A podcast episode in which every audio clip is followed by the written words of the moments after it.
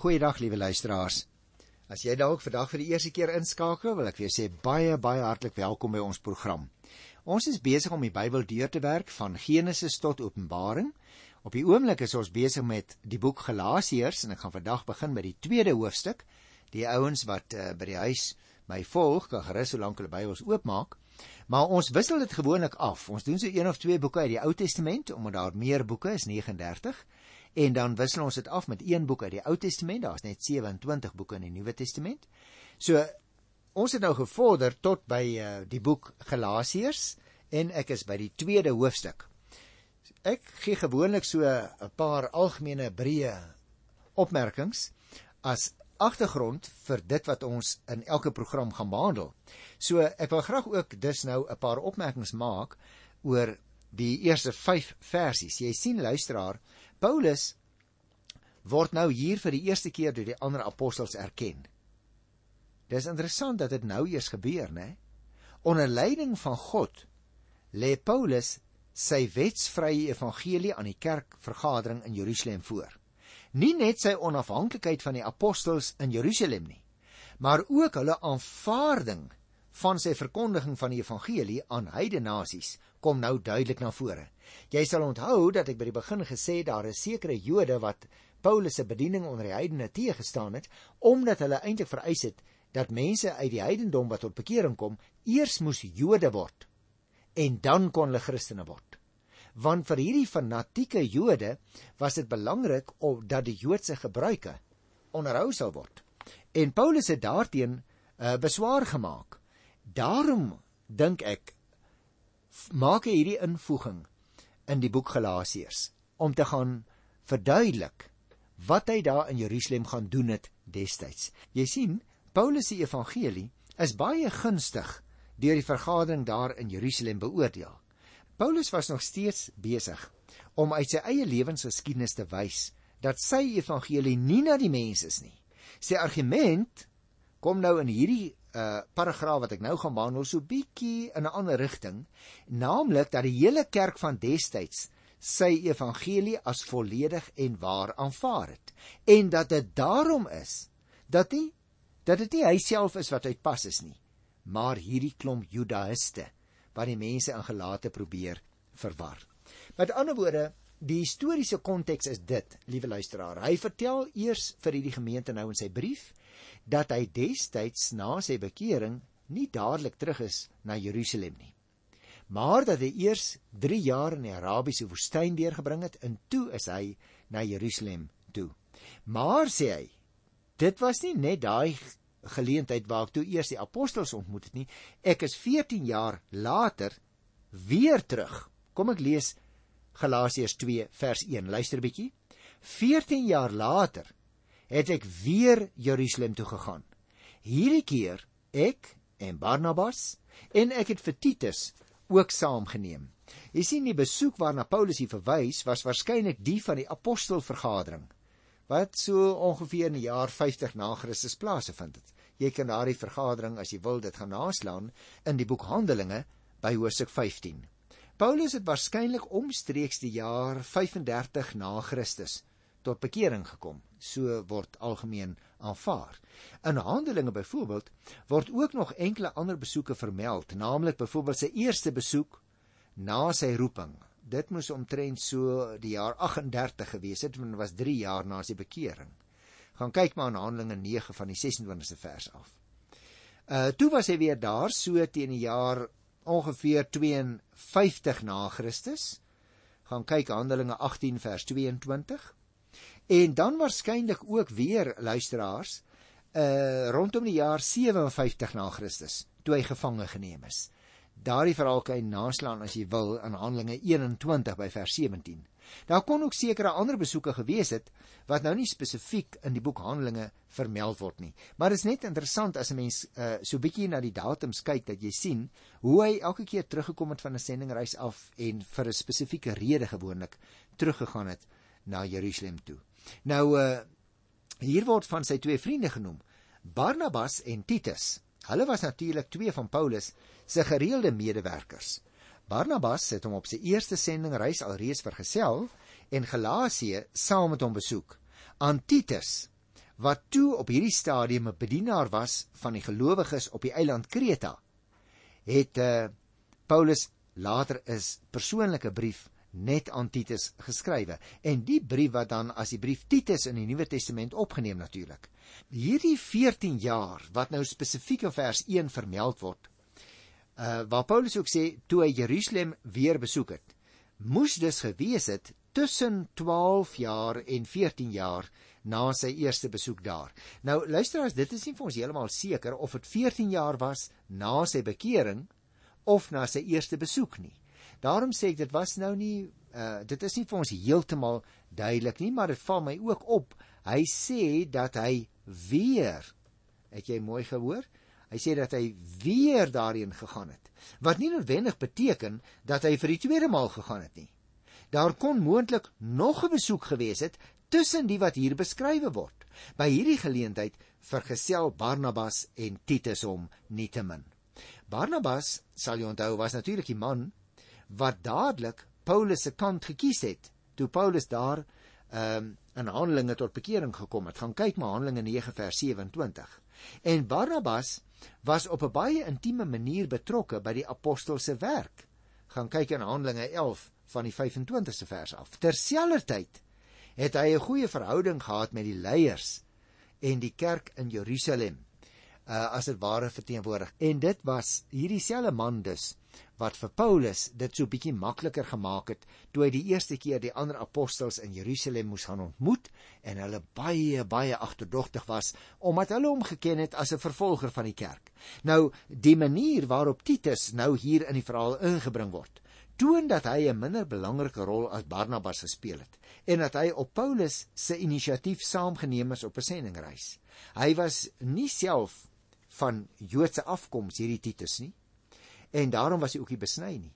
Sy teenwoordigheid by Paulus was tekenend van die apostel se siening in verband met die besnydenis. Maar jy sien, Paulus het gesê 'n mens hoef nie besny te word as jy 'n Christen word nie. En die Judaïste het baie baie sterk daarop gestaan.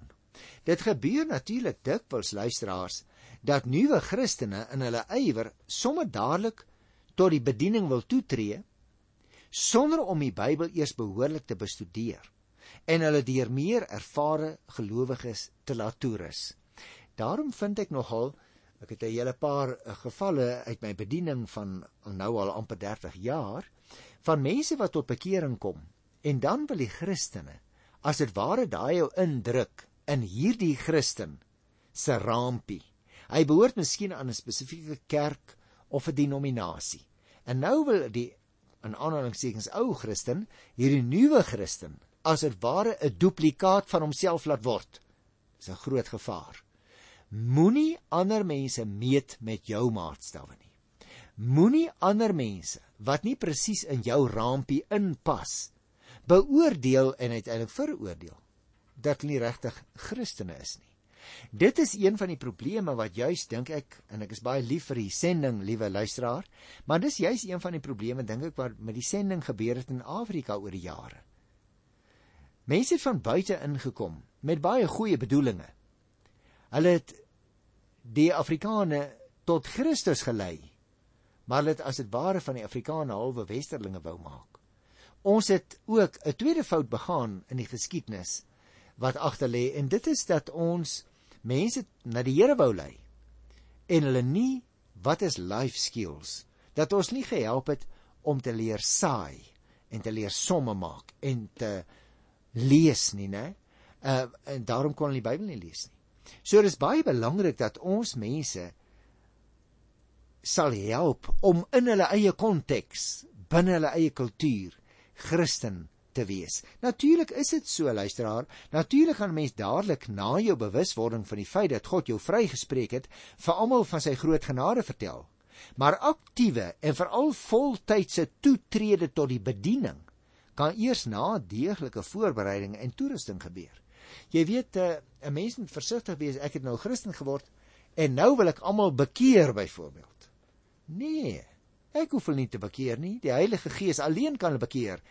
Ek het maar net die taak om 'n getuie te wees. As jy byvoorbeeld, liewe luisteraar, jouself geroepe voel om voltyds tot die bediening toe te tree, dan moet jy ook geleentheid soek om toerusting te kry in hierdie verband. Dan moet jy soms rustig wag totdat die Here vir jou duidelik uitwys waar hy jou wil gebruik, want ek het dit ook dikwels gesien. Mense kom tot bekering, maar hulle kom eers duidelik agter dat die Here hulle voltyds tot die bediening roep. En dit is gewoonlik 'n nuwe bewuswording van die Here se werking in 'n mens se hart of lewe. Nou goed, kom ons kyk nou na vers 2 en vers 3 hierso in Galasiërs 2. God het dit aan my geopenbaar dat ek moet gaan. Ek het toe die evangelie wat ek onder die heidene nasies verkondig aan die broers daar voorgelê, né? Dit was nou in Jerusalem. En dit nog afsonderlik met die leiers ook bespreek. Ek wou sekerheid hê dat ek nie te vergees werk of gewerk het nie. Hoewel Titus wat saam met my was, 'n Griek is, is hy nie gedwing om hom te laat besny nie. Nou ek het net nou al hierna verwys en ek wil nog 'n bietjie daaroor gesels, want jy sien die kern van die evangelie wat Paulus verkondig het, was dat God vryspraak aan alle mense gee. Dinge soos ras en geslag, dinge soos nasionaliteit en materiële posisie of status en geleerdheid. Luisteraar, dit is van geen bepalende waarde nie. Daar is net een grond vir redding. En dit is geloof in Christus. Paulus het ook baie mooi daaroor gepraat. Ek onthou ons het dit behandel in Romeine 10 vers 8 tot by vers 13. Jy sien, die kwessie van die onderhouding van die Joodse wet en tradisies as voorwaarde vir redding het gedreig om die kerk te verdeel. Paulus het dit natuurlik baie goed besef, want hy was 'n Jood. Alhoewel hy die spesifieke opdrag gekry het om God se naam onder die heidene nasies uit te dra, het hy nie los van die ouderlinge en die apostels in Jerusalem dit gedoen nie. Daarom het hy die hele aangeleentheid destyds aan hulle voorgelê, né? Ja, ons lees daar van Handelinge 15, hier word maar net daarna verwys. En hulle goedkeuring van Paulus se evangelie het 'n skeuring in die vroeë kerk verhoed. Jy sou nou net jou kon voorstel as as die apostels in Jerusalem gesê het, "Maar Paulus, jy werk onder die heidene. En jy is 'n Jood en jy behoort nie onder hulle te werk nie." Dan sou dit 'n skeuring tot gevolg gehad het. En ek dink 'n mens kan belangrike lesse hieruit leer, maar laat ek net een noem. Want 'n les hieruit te leer is dat 'n uh, eh, mens sake waaroor gelowiges verskil in die oop te moet bring. Mense is so baie keer bang vir die moontlike konfrontasie wat dit kan veroorsaak. Maar die ontwyking van 'n uitpraatgeleentheid moet geskep word. Dan skakel jy skinderveldtogte uit. Verdagmakery word uitgeskakel en etikettering. Daarom broer en suster, as jy dalk 'n bedenking het oor 'n ander Christen, praat die saak met hom of met haar uit voordat jy begin om agterdogtig te raak oor daardie persoon. Kom ons lees dan vers 3 en 4. Is julle dan so sonder begrip? Julle het met die gees begin, nou met 'n hoofletter. Julle het met die gees begin. Wil julle nou in eie krag eindig? Was al julle swaar kry daar verniet? Dit kon tog nie verniet gewees het nie. Nou hier kry ons 'n interessante interessante aspek. Paulus se uitspraak dat hy na Jerusalem toe gegaan het op grond van 'n openbaring dui aan dat dit nie maar net 'n willekeurige stap was wat hy gedoen het nie. Hy het in opdrag van die Here dit gedoen. Nou word ook beklemtoon dat Titus se werk wat 'n Griek was, nie gedwing is om hom te laat besny nie. En moontlik, ek het nou al daarna verwys, liewe luisteraar, moontlik het Paulus hom juis saamgeneem om aan die gelowiges en die leiers in Jerusalem die praktiese inhoud van sy evangelie te toon dat die besnydenis nie nodig is nie. Dat daar nie by uh, hierdie geleentheid aangedring is op die besnydenis nie, is 'n bewys dat Paulus se standpunt eerbiedig is deur die apostels. Daarom luisteraar wil ek weer vers 4 en 5 lees want ons kry hier baie belangrike inligting. Hy sê: "Was al julle swaar dan verniet?" Dit kan tog nie verniet gewees het nie. Hy wat julle met die Heilige Gees toerus en kragtig onder julle werk, doen hy dit omdat julle die wet onderhou het of omdat julle die evangelie glo. Jy sien oor die beginsels luisteraars moet 'n mens soms buigsaam wees wanneer dit verpraktiseer moet word terwyl jy oor die middelmatige saak toeskietlik moet wees. Uit Paulus se weiering dat Titus besny moes word, sien ons dadelik dat hierdie selfde saak in sekere omstandighede 'n beginsel raak, terwyl dit in ander omstandighede wat ons dus ook kon noem 'n middelmatige saak is. Paulus weier dus dat Titus wat 'n Griek is besny word, terwyl hy later self vir Timoteus, wie se ma 'n Jood en wie se pa 'n Griek was, besny het. Gaan kyk maar na Handelinge 16. Maar dit gaan oor praktyk. Dit is nie gegee as 'n voorskrif nie. In die geval van Titus sou sy besnydenis 'n instemming van Paulus wees dat 'n nie-Jood eers 'n Jood moet word voordat hy Christen kan word en daarom steek Paulus 4 voet daarteen vas. In Timoteus se geval wat 'n ander agtergrond gehad het, is besnydenis 'n saak wat nogal vir die mense belangrik is, want sy ma is in elk geval 'n Jood. Indien hy onbesnede sou bly, sou dit 'n probleem vir die suksesvolle verkondiging van die evangelie aan daardie Jode veroorsaak. Jy moet hierdie diskresie ook aanleer, liewe luisteraar, en ek self natuurlik, dat 'n bepaalde saak in 'n sekere situasie wel nodig is om sommige te wen maar dat daardie saak in 'n ander situasie totaal onnodig is. En so is die besnydenis wat in die vroeë kerk in sommige kringe nog 'n groot saak was, ook nou al meer gerelativeer. Paulus sê as dit nou nodig is vir 'n ou wat uit 'n Joodse tradisie kom en hy wil graag besny wees, kom ons besny hom. Maar dit is nie nodig nie. Daarom moet ons, dis nou jy en ek ook regtig die Here van tyd tot tyd bid dat ons die regte aanvoeling sal hê oor watter sake belangrik is en watter sake nie belangrik is nie. Anders, liewe luisteraar, kan ons soms in baie groot gate val en dan doen ons die evangelie sommer 'n hele klomp skade aan. Dit is dus belangrik dat ons hierdie dinge sal raak sien, want uh, ons moet ander mense ten spyte van hulle agtergrond, ten spyte van hulle kultuur, ten spyte van hulle sosiale vlak, moet ons aanvaar want alle Christene staan vanweë hulle posisie in Christus op presies dieselfde vlak. Die optrede, liewe luisteraars, van hierdie onruststokers rus op 'n dubbel bodem.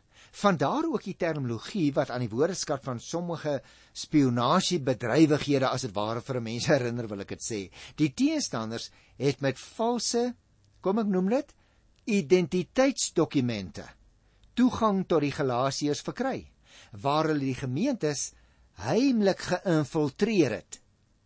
Hulle het met ander woorde 'n spesifieke aksie op tou gesit, hierdie Judaïste. Hulle het die gemeente toe ingedring en hulle het judaïstiese gebruike, wettiese voorskrifte begin voorhou. Hulle het voorgegee hulle is Christene, maar sê hulle vir die ouens, as mense Christen is, dan moet jy ook besny wees. Dan moet jy ook die Joodse tradisies handhaaf. So hulle het met doelbewus vals motiewe die gemeente binnengedring. Nou Paulus noem hierdie gedragspatroon die vryheid wat Christus vir ons verwerf het. En daarom is wat hierdie mense doen nie in lyn met hoe 'n Christen behoort op te tree nie. Dit wil sê, as Christene behoort ons 'n lewenswyse te hê waar die eise van die wet nie meer as basis van die verlossing geld nie, maar slegs die geloof in Christus. Jy sien vir Paulus se teestanders was hierdie vrymaking van die wet die doodsonde wat tot elke prys gekeer moes word, né? Hulle skop 4 voet vas. Hulle sê hierdie mense wat nie ons gebruik hand af nie, kan nie deel word van die gemeente nie. Ek wil vir jou vra, is dit nie dalk in jou gemeente, in die kerk en die denominasie waaraan jy behoort, is dit nie dalk ook so nie? Dat uh, daar sekere dinge gedoen word as praktyke wat verhef word tot kernaangeleenthede. En daarom in die geval van die gemeente Galate, daarom moes die Galasiërs weer onder beheer gebring word. Dit wil sê onder die kontrole van die wet geplaas word. Dit is merkwaardig luisteraars dat Paulus, wat self uit hierdie tradisie kom, steeds 'n welbewuste Jood was, nee, hy was bewus daarvan dat hy Jood is. In hierdie houding 'n bedreiging van die vryheid sien wat Christus verwerf het. Vir hom, en dis wonderlik, vir hom is dit net 'n meer geraffineerde manier om weer slawe van die gelowiges te maak as hy sou toegee om te sê ja, daar is sekere gebruike wat hierdie mense moet handhaaf. En Paulus sê ek sou baie daarvan hou om te sê hulle moet die gebruike handhaaf. Maar weet julle wat? Dit sou nie rym met die evangelie wat praat van vryheid waarmee Christus vrygemaak het nie. En dit bring my dan by die laaste versie vir vandag hier by eh, Galasiërs, die tweede hoofstuk. Kom ek lees dit vir jou. Aan hulle eise het ons egter nie 'n oomblik toegegee nie. Dit is nou die eise natuurlik van die Judaïste, hè. Aan hulle eise het ons egter nie 'n enkele oomblik toegegee nie, sodat die waarheid van die evangelie vir julle gehandhaaf sou word. Nou dit is baie baie belangrik dat ons dit hier lees, luisteraars, want aan die eise van wie? Gedrees sê, van die Judaïste het Paulus en sy metgeselle nie 'n enkele oomblik toegegee nie sê hulle. Want die waarheid van die evangelie was op die spel. Dis 'n oomblik van waarheid, dis 'n skeidingspunt of mense naas die feit dat hulle in Christus glo, nog sekere pligplegings moet nakom. Die apostel sê dis nie so nie. Die geloof in Christus is genoeg vir jou redding. Nou wil ek dadelik sê in ander gevalle het Paulus toegewings gemaak. Gaan kyk maar na Handelinge 16, daar by vers 3 kry jy 'n interessante toegewing, maar in hierdie geval doen hy dit nie. Aangesien dit die verkondiging van die evangelie aan die heidene nasies in sy hart sou skade aandoen. Daarom sê Paulus nee, dit is nie nodig nie. Ek wil miskien ook nog net byvoeg voordat ek afsluit vir vandag, die eh, konstruksie van hierdie sinnevers 5 is nie heeltemal so duidelik in die Griekse taal nie.